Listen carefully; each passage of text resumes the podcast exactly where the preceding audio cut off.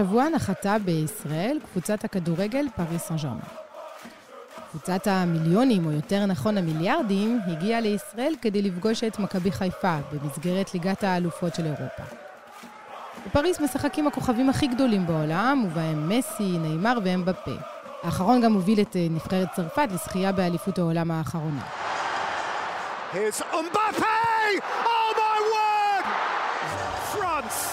Are the champions of the world! אם אתם טועים מה הקשר בין כדורגל לבין הפודקאסט הזה, אז תנו לי רגע להסביר. מאחורי האורות המסנוורים והכסף העצום של הכדורגל הצרפתי נמצאים סיפורים מרתקים. סיפורים מן הסרטים שמערבבים גנגסטרים מסוכנים ונאמנות עיוורת לחברי ילדות שגדלו להיות עבריינים. באחרונה החלו שתי חקירות פליליות בעקבות חטיפתו לכאורה של כוכב נבחרת צרפת, פול פוגבה. Salut à tous, c'est la pioche. J'espère que vous allez tous bien. En tout cas, moi ça va. Ça va, Dieu merci, l'opération s'est très bien passée. Alhamdulillah. הפרשה המסעירה מצטרפת לשורה ארוכה של פרשיות פליליות ואלימות, בהן היו מעורבים כדורגלנים צרפתיים, והמחנה המשותף של כל הפרשיות הוא המקום בו צמחו הספורטאים, שכונות העוני של צרפת.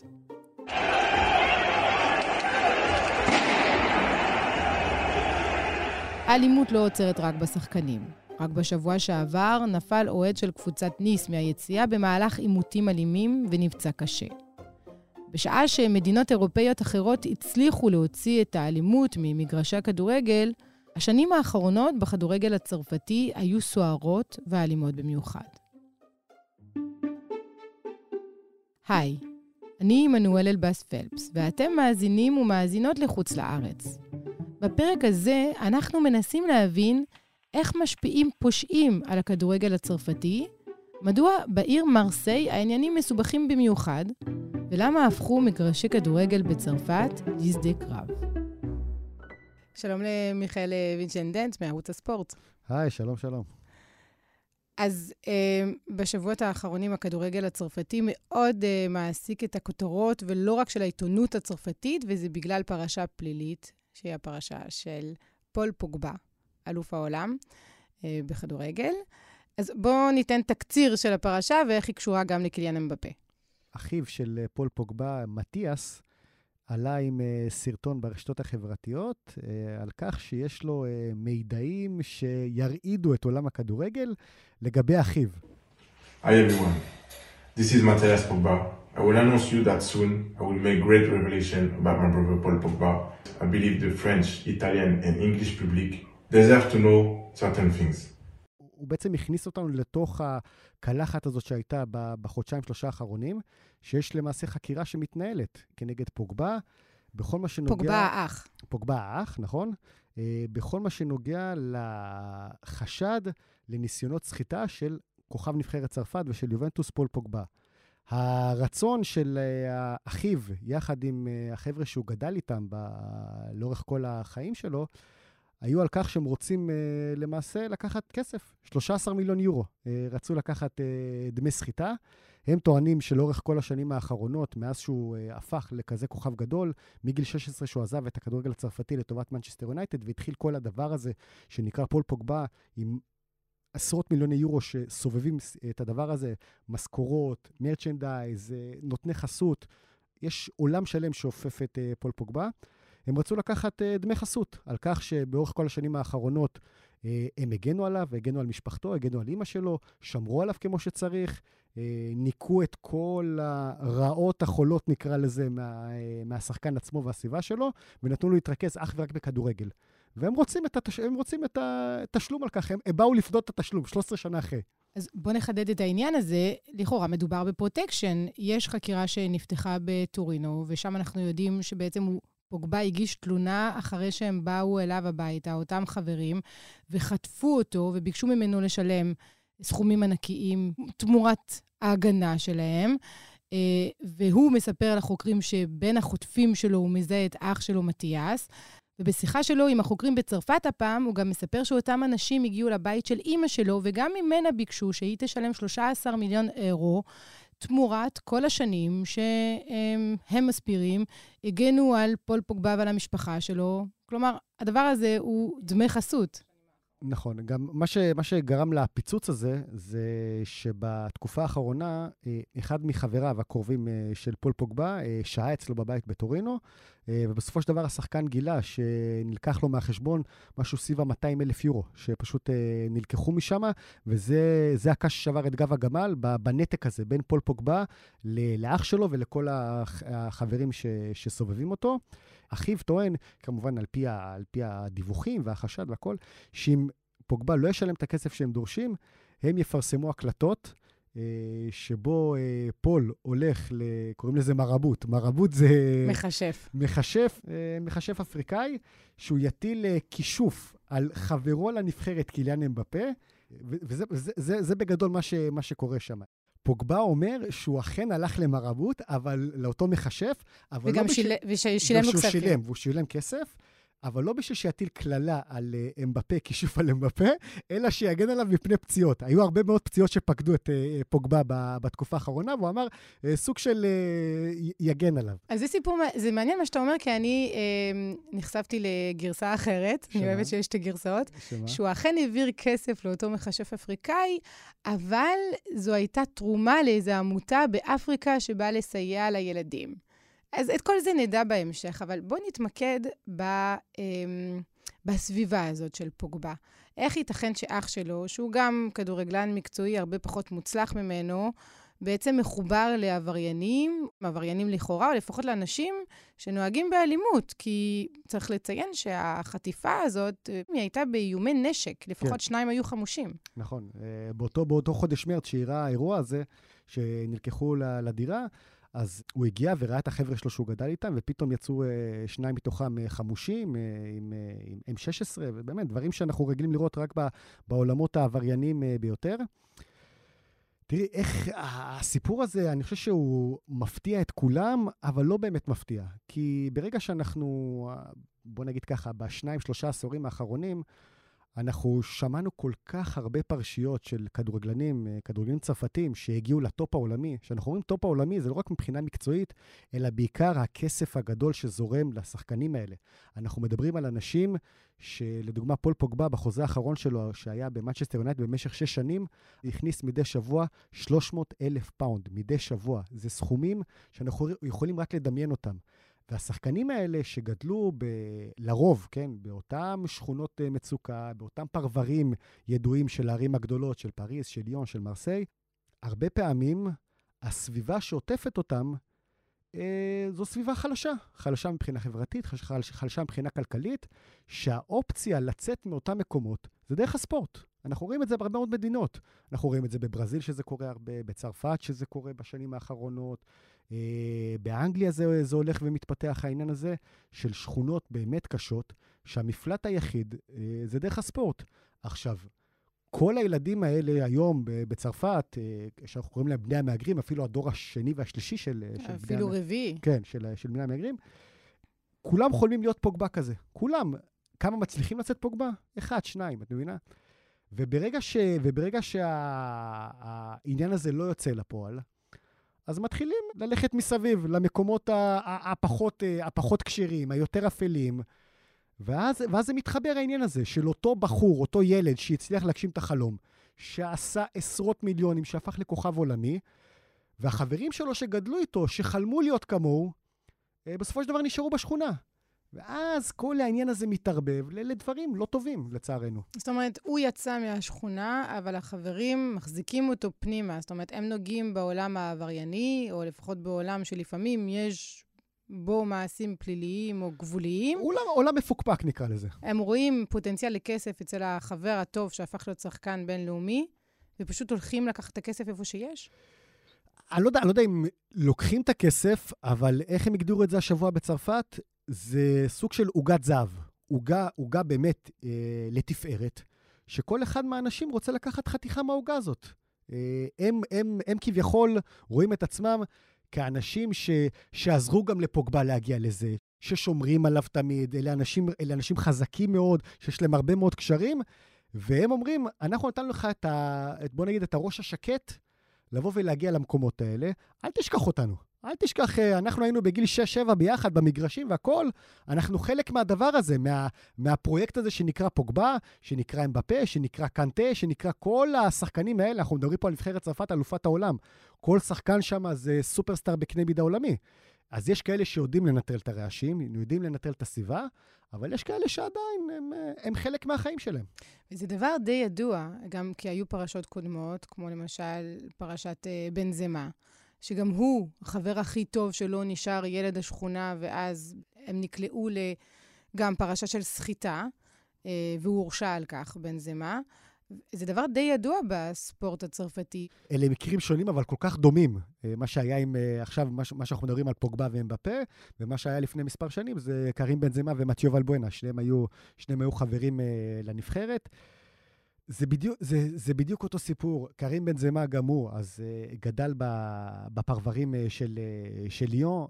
אנחנו לא צריכים להרחיב מבחינה מקצועית מי זה קרים בן זמה, זה החלוץ הכי טוב בעולם, גם הוא הגיע.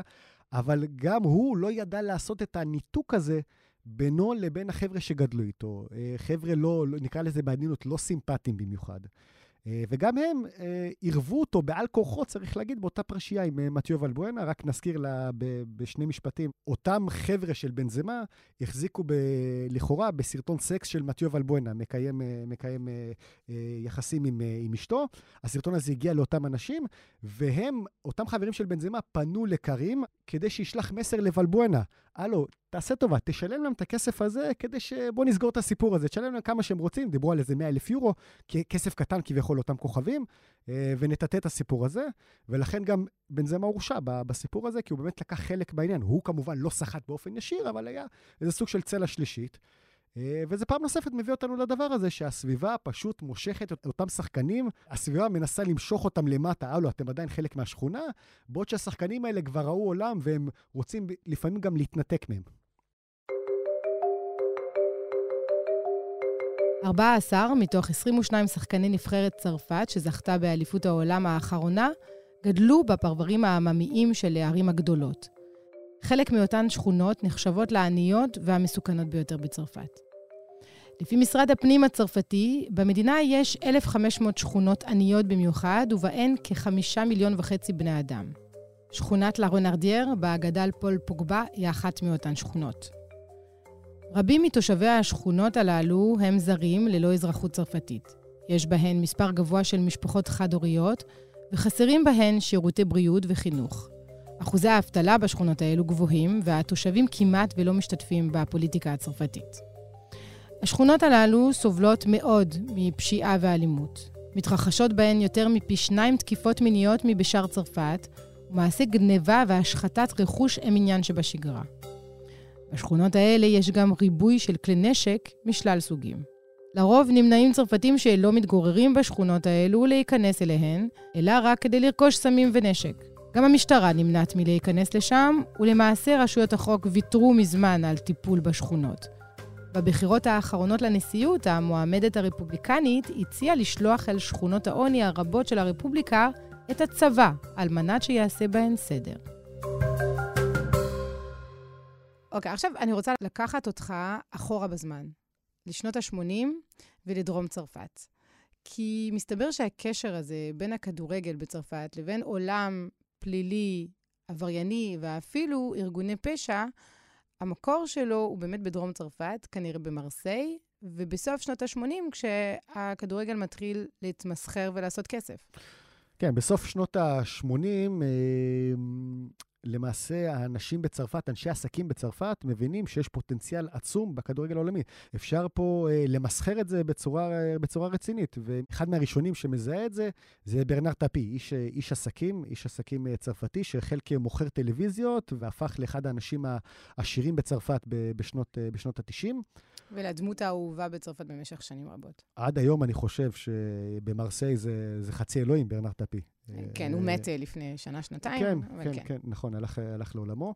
אז הוא, הוא בסוף שנות ה-80 אה, רוכש את אה, אולימפיק מרסיי, אה, רק כדי שאנשים יבינו, כולם מדברים היום בהקשר של הכדורגל הצרפתי על PSG והקטרים והכול, אבל אה, אולימפיק מרסיי זה המועדון הכי פופולרי בצרפת. כשאתה אומר כדורגל בצרפת, זה קודם כל אה, מרסיי. ונגיד זה... יותר מזה, אפילו אה, אנשים שגדלו בפריז, נגיד אני, בשנות ה-80, היינו מעודדים את מרסיי. כן, כי אז, אז אה, בוא נגיד, פסג'י הייתה בחיתוליה. אבל אה, כן, מרסיי, מרסיי זה, זה המועדון של, של הכדורגל הצרפתי, הם היחידים שגם זכו באליפות אירופה ב-93, הודות לכסף הגדול של אה, טפי. אז הוא קונה את המועדון הזה, מכניס, אז היה פרנקים, אבל מכניס מיליוני פרנקים למועדון, קונה כוכבים אדירים למרסיי. הם זכו, אם אני לא טועה, בארבע, חמש אליפויות רצופות, שזה דבר מאוד מאוד קשה לשמור על, ה, על התואר הזה מדי שנה, ו... והדובדבן שבקצפת זה אותה זכייה ב- בליגת האלופות ב-93. עד היום אף מועדון צרפתי לא הצליח לעשות את זה. ככל שמרסיי אה, גדלה והגיעה לטופ, כך גם החלה הירידה של, אה, של מרסיי, והסיפור שאת, שאנחנו חותרים אליו, זה אותו אה, משחק שמרסיי קנו. הם קנו, את, קנו משחק אליפות. ממש בסוף העונה, מחזור סיום. מרסיי יצא למשחק חוץ נגד ולנסיין בצפון צרפת, וערב המשחק, אה, אותו ברנר טפי בא ונפגש עם אנשי אה, ולנסיין, יותר נכון עם שחקני ולנסיין, וחילק להם מעטפות, מעטפות של כסף, כדי שהם אה, פשוט לא יתאמצו, לא יתאמצו במשחק, מה שיאפשר למרסיי לנצח את המשחק ולהבטיח את האליפות שלה. והסיפור הזה כמובן נגלה לתקשורת, משטרה והכול. החליטו לבטל את האליפות הזאת של מרסיי, מכיוון שהיא לא הייתה כשרה. והיה חשד שאפילו עוד משחקים נמכרו במהלך העונה, ושיחדו שופטים והכול. מרסיי הורדה ליגה, וזו הייתה נקודת השקיעה של מרסיי וטפי, אה, ומשם זה הלך והידרדר. אז פה זה באמת אה, שחיתות גדולה ושלגמרי יצא לאור, אבל במהלך השנים גם השחקנים של מרסיי מחוברים ממש לארגוני פשע. ויש לזה כמה סיבות. זאת אומרת, או שיש להם את אותם חיים, הם, יש להם הרבה כסף והם צריכים לבזבז אותו איפשהו, אז מוצאים את עצמם באותו מועדון, או שארגוני פשע ממש רואים את השחקנים כמטרה אפשרית. למשל, נכתב ספר לפני כמה שנים בצרפת ממש על הקשר בין ארגוני פשע לבין שחקני כדורגל, במיוחד במרסיי, ושם מספרים את הסיפור של אה, ברטז, שהיה אז כבר שוער, אני חושבת, אה, אה, של... של, של מרסיי, גם, של מרסיי, של מרסיי, כן, הוא זכה איתה גם באותה אליפות אירופה מפורסמת. בדיוק, באליפות אירופה. ו- ומסתבר שהוא נסחט באיומים על ידי כנופיה וארגוני פשע, והוא פשוט לא סיפר, אבל כל מרסיי ידע. זו עיר, אמ, איך נקרא לה בעדינות, לא עיר, לא עיר פשוטה. אה, מרסיי, כל, על כל המשתמע בכך, אה, עיר מאוד גדולה, עיר עם אה, פרברים מאוד דומיננטיים, חלק מהשחקנים הגיעו משם. כמובן זינדין זידן, זה ה... כמו שלפריז יש את המגדל אייפל, למרסיי יש את זינדין זידן. זה ה... זה, זה, זו הגאווה הכי גדולה שלהם. ו... אז, אז, יש גם את ארגוני הפשע, אם אנחנו נקפוץ, אנחנו נעשה, את יודעת, קפיצה ונחזור, אז אם אנחנו נקפוץ לשנים האחרונות, אין כמעט שחקן זר של מרסיי שלא עבר את, נקרא לזה, את קבלת הפנים של, ה, של העיר עצמה. ומה זה אומר? שבזמן שיש משחק של אולימפיק מרסיי, בדרך כלל משחקי החוץ, אז המת, המשפחה מתלווה לשחקן, מה שאומר שהבית פתוח לחלוטין, אין, אין שמירה. וכל שחקן זר, למעשה הבית שלו נפרץ במרסיי כמה וכמה פעמים. זה סוג של, זה סוג של קבלת פנים, שאנחנו אה, עושים את זה כמובן במרכאות, לשחקנים עצמם, כי זו מרסיי, זה, זו, זו, יש שם בלגן אחד שלם. הרבה מאוד אה, ארגוני פשע ש, שרוצים לקחת חלק בדבר הזה שנקרא, שנקרא מרסיי, כי גם הם רואים שפתאום נכנס הרבה מאוד כסף למועדון. אז הם גם הם רוצים להיות חלק מה, מהעניין הזה. אני, אני חושב שהסיפור המוכר ביותר זה ז'וזה אניגו. ז'וזה אניגו זה היה גם המנהל הספורטיבי של מרסיי וגם המאמן של מרסיי.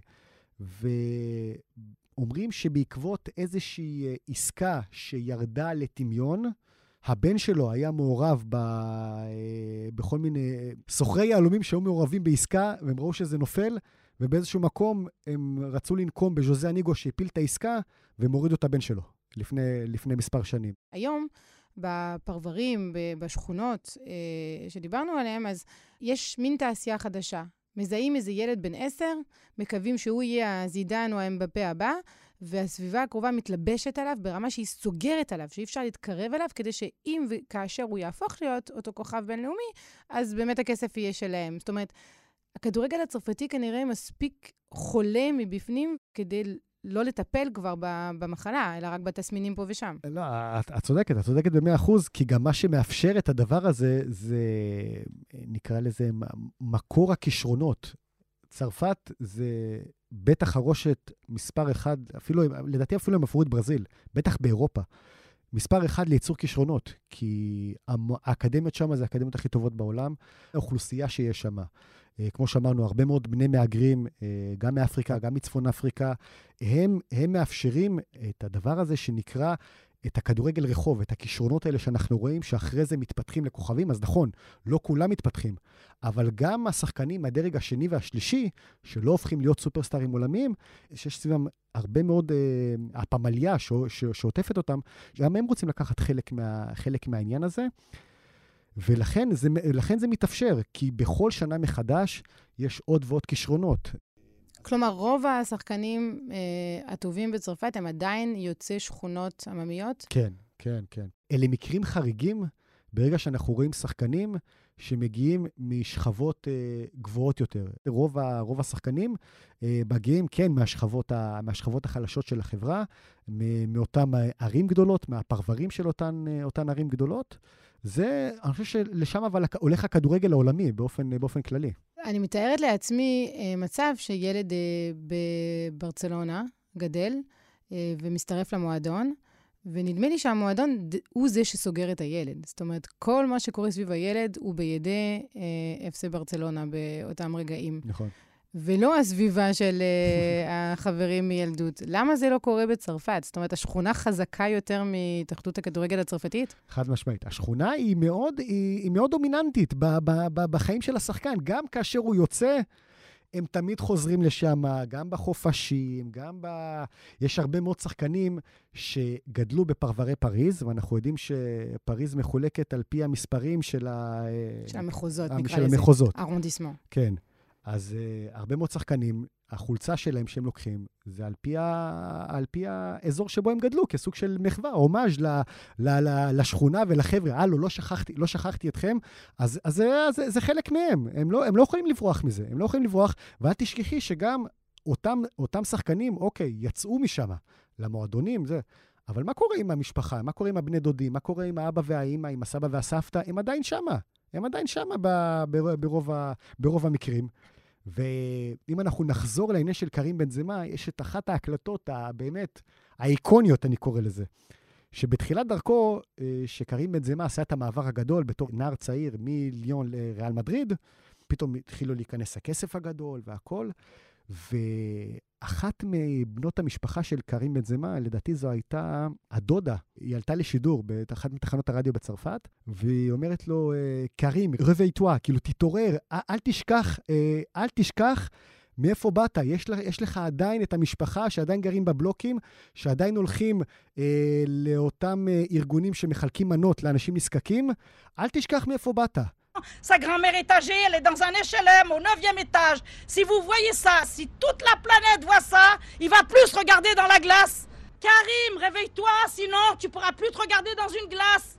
מה שקורה בשכונות של הערים הגדולות, וגם מה שקורה במרסיי בקנה מידה אחר לגמרי, זאת מציאות שקיימת. ובעצם זה שזה זולג אל תוך החיים החדשים של מי שבא משם, זה באמת לא מפתיע אף אחד. אף אחד לא הצליח לשים בעצם חומה בין השכונה לבין הכדורגל. אי אפשר לשים חומה, כי, כי, זה, כי, זה, כי זה יד אחת. מהשכונות האלה צומחים אותם כישרונות. אז uh, את, את לא יכולה uh, לקחת את אותו ילד בן 7 או 8 ולהגיד לו, אוקיי, עכשיו אתה מתנתק מהילדים שגדלת איתם, וזהו, אתה לא תראה אותם עכשיו עד גיל 22, עד שתחתום במנצ'סטר יונייטד. זה לא, זה לא עובד ככה. הם גדלים איתם, הם, הם, הם, הם, חלק, מה, הם חלק מהגאווה, ו, וכמו שאמרנו, השחקנים עצמם, הם לא ממהרים לברוח מה, מהמקומות האלה, הם גאים בזה. לדוגמה, היה את המשחק שנה שעברה, מנצ'סטר סיטי נגד פז'ה. אחד הכוכבים הכי גדולים של מנצ'סטר סיטי זה ריאד מאחרז. ריאד מאחרז אומנם מייצג את נבחרת אלג'יריה, אבל הוא גדל בצרפת, אה, בכל מקום. איפה הוא גדל? בסרסל, בפרברי פריז. מה הוא עשה ערב המשחק? הגיע לשכונה בה הוא גדל. אתם מבינה? ברגע, ש, ברגע שהקבוצה עצמה נמצאת בבית המלון, אחד בבתי המלון הכי יוקרתיים בפריז וזה, הוא עזב את החברים שלו ונסע לשכונה לסרסל, להצטלם שם עם המגרש. חנכו שם איזה מגרש חדש עם השם שלו, כי באמת גאוות, ה, גאוות האזור. אבל זה, זה, הם שם, הם גאים לבוא משם. זה משהו שהם, הם, אין כמעט ראיון שעושים עם, ה, עם הסופרסטארים האלה, שלא שואלים אותם על השכונה, על, ה, על הסביבה, על הכל. הם, הם, הם חלק מהם, הם לא בורחים מזה.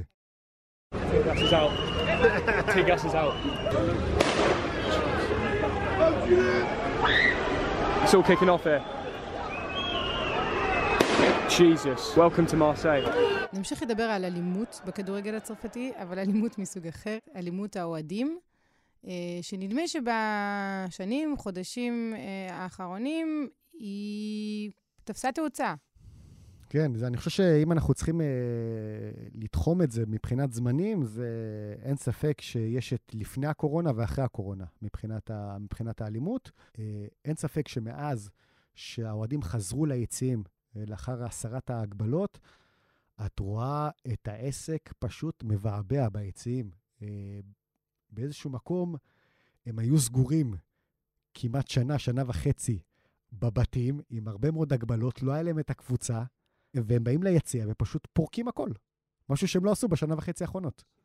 כמה, כמה דיבורים היו בצרפת על, על כך שאנשים לא מתחסנים והדברים האלה, זה נשמע לנו כמו היסטוריה רחוקה. אבל הרבה מאוד אה, אוהדים של מרסיי אמרו, אני התחסנתי בשביל מרסיי, לא אכפת לי בשביל הבריאות או משהו, כי זה מה שיאפשר לי לבוא ולהגיע למשחק, לוולודרום, לראות את הקבוצה שאני כל כך אוהד.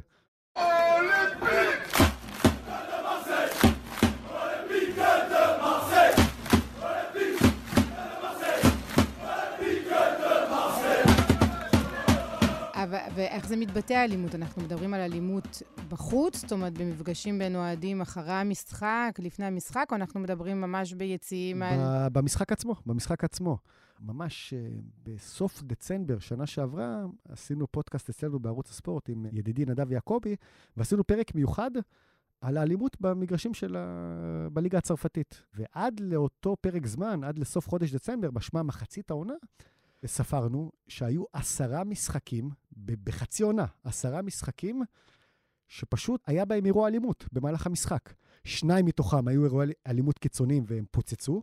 המשחקים, המשחקים לא הגיעו לסיומם. זה מה, זה מכות המוניות? לא, לדוגמה, המקרה המפורסם, אה, אגב, מרסיה הייתה מעורבת בשני המשחקים ש, שלא הגיעו לסיומם.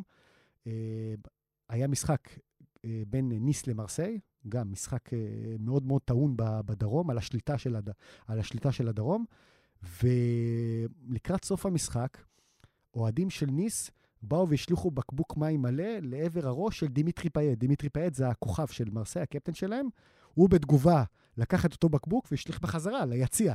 ואז האוהדים של ניס ירדו לכר הדשא והתחילו מכות שם בין האוהדים לבין שחקני מרסיי. זה, זה מראות, מראות מאוד מאוד חריגים. אבל זה רק תופעת הקורונה? זאת אומרת, אנחנו יודעים שבאנגליה הייתה איזו תופעת חוליגנים. זה לא היה חלק מהתרבות uh, של הכדורגל הצרפתית. מה, מה, מה קורה שם עכשיו? אז כן, אז יש את uh, תרבות ארגוני האולטרס, הגרעין הקשה של, uh, של הקבוצות. באנגליה ובאיטליה הייתה להם בעיה רצינית מאוד, בעיקר בשנות ה-80 וה-90 של אותם חוליגניזם, והממשלה, בעיקר באנגליה, הכריזה מלחמת חורמה כנגד אותם אוהדים. אחת מהדרכים המרכזיות להילחם בתופעה הזאת הייתה אה, העלאת מחירי הכרטיסים. כי אנחנו יודעים שבדרך כלל ארגוני האולטרס האלה זה מהשכבות החלשות, והיום להשיג כרטיסים למשחקים בפרמייר ליג, בליגה האנגלית, זו משימה קשה מאוד, גם בגלל הביקוש, אבל גם מבחינת המחירים, מחירים גבוהים מאוד. אה, זה בשלב מאוחר יותר, אבל זה, זה, זה אחת הדרכים של המדינה להתמודד עם הדבר הזה. צרפת זו המדינה היחידה שנשארה שם באמת תרבות ארגוני האולטרס.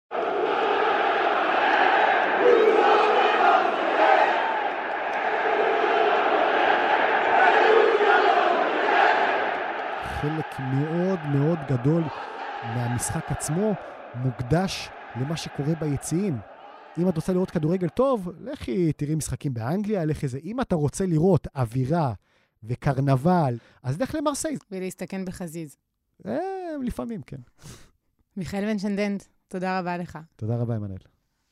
Police, sur ma police, c'est un blague, donc il peut pas être poli. עד כאן הפרק הזה של חוץ לארץ. אם אהבתם את הפרק, שילחו אותו לחברים, בני משפחה, אמ, ותפיצו אותנו ברשת, באתר ובאפליקציה של הארץ, ובכל אחת מהפלטפורמות שבהן אתם אוהבים לשמוע פודקאסטים. תודה רבה לאסף פרידמן, לאמיר פקטור, לאברי רוזנצבי, לשני אבירם ורועי סמיוני. אני עמנואל אלבאס פלפס, נשתמע בשבוע הבא. Faire la morale, jamais on s'aimera. Mamadou ou Mourad monte à la tête déguisée comme. On se dispute comme des amoureux. On aime se détester, à en mourir les rapports. Je ne dis plus l'amoureux. Moi, je suis le plus fou, passé du plus flou, les sales coups. car t'as-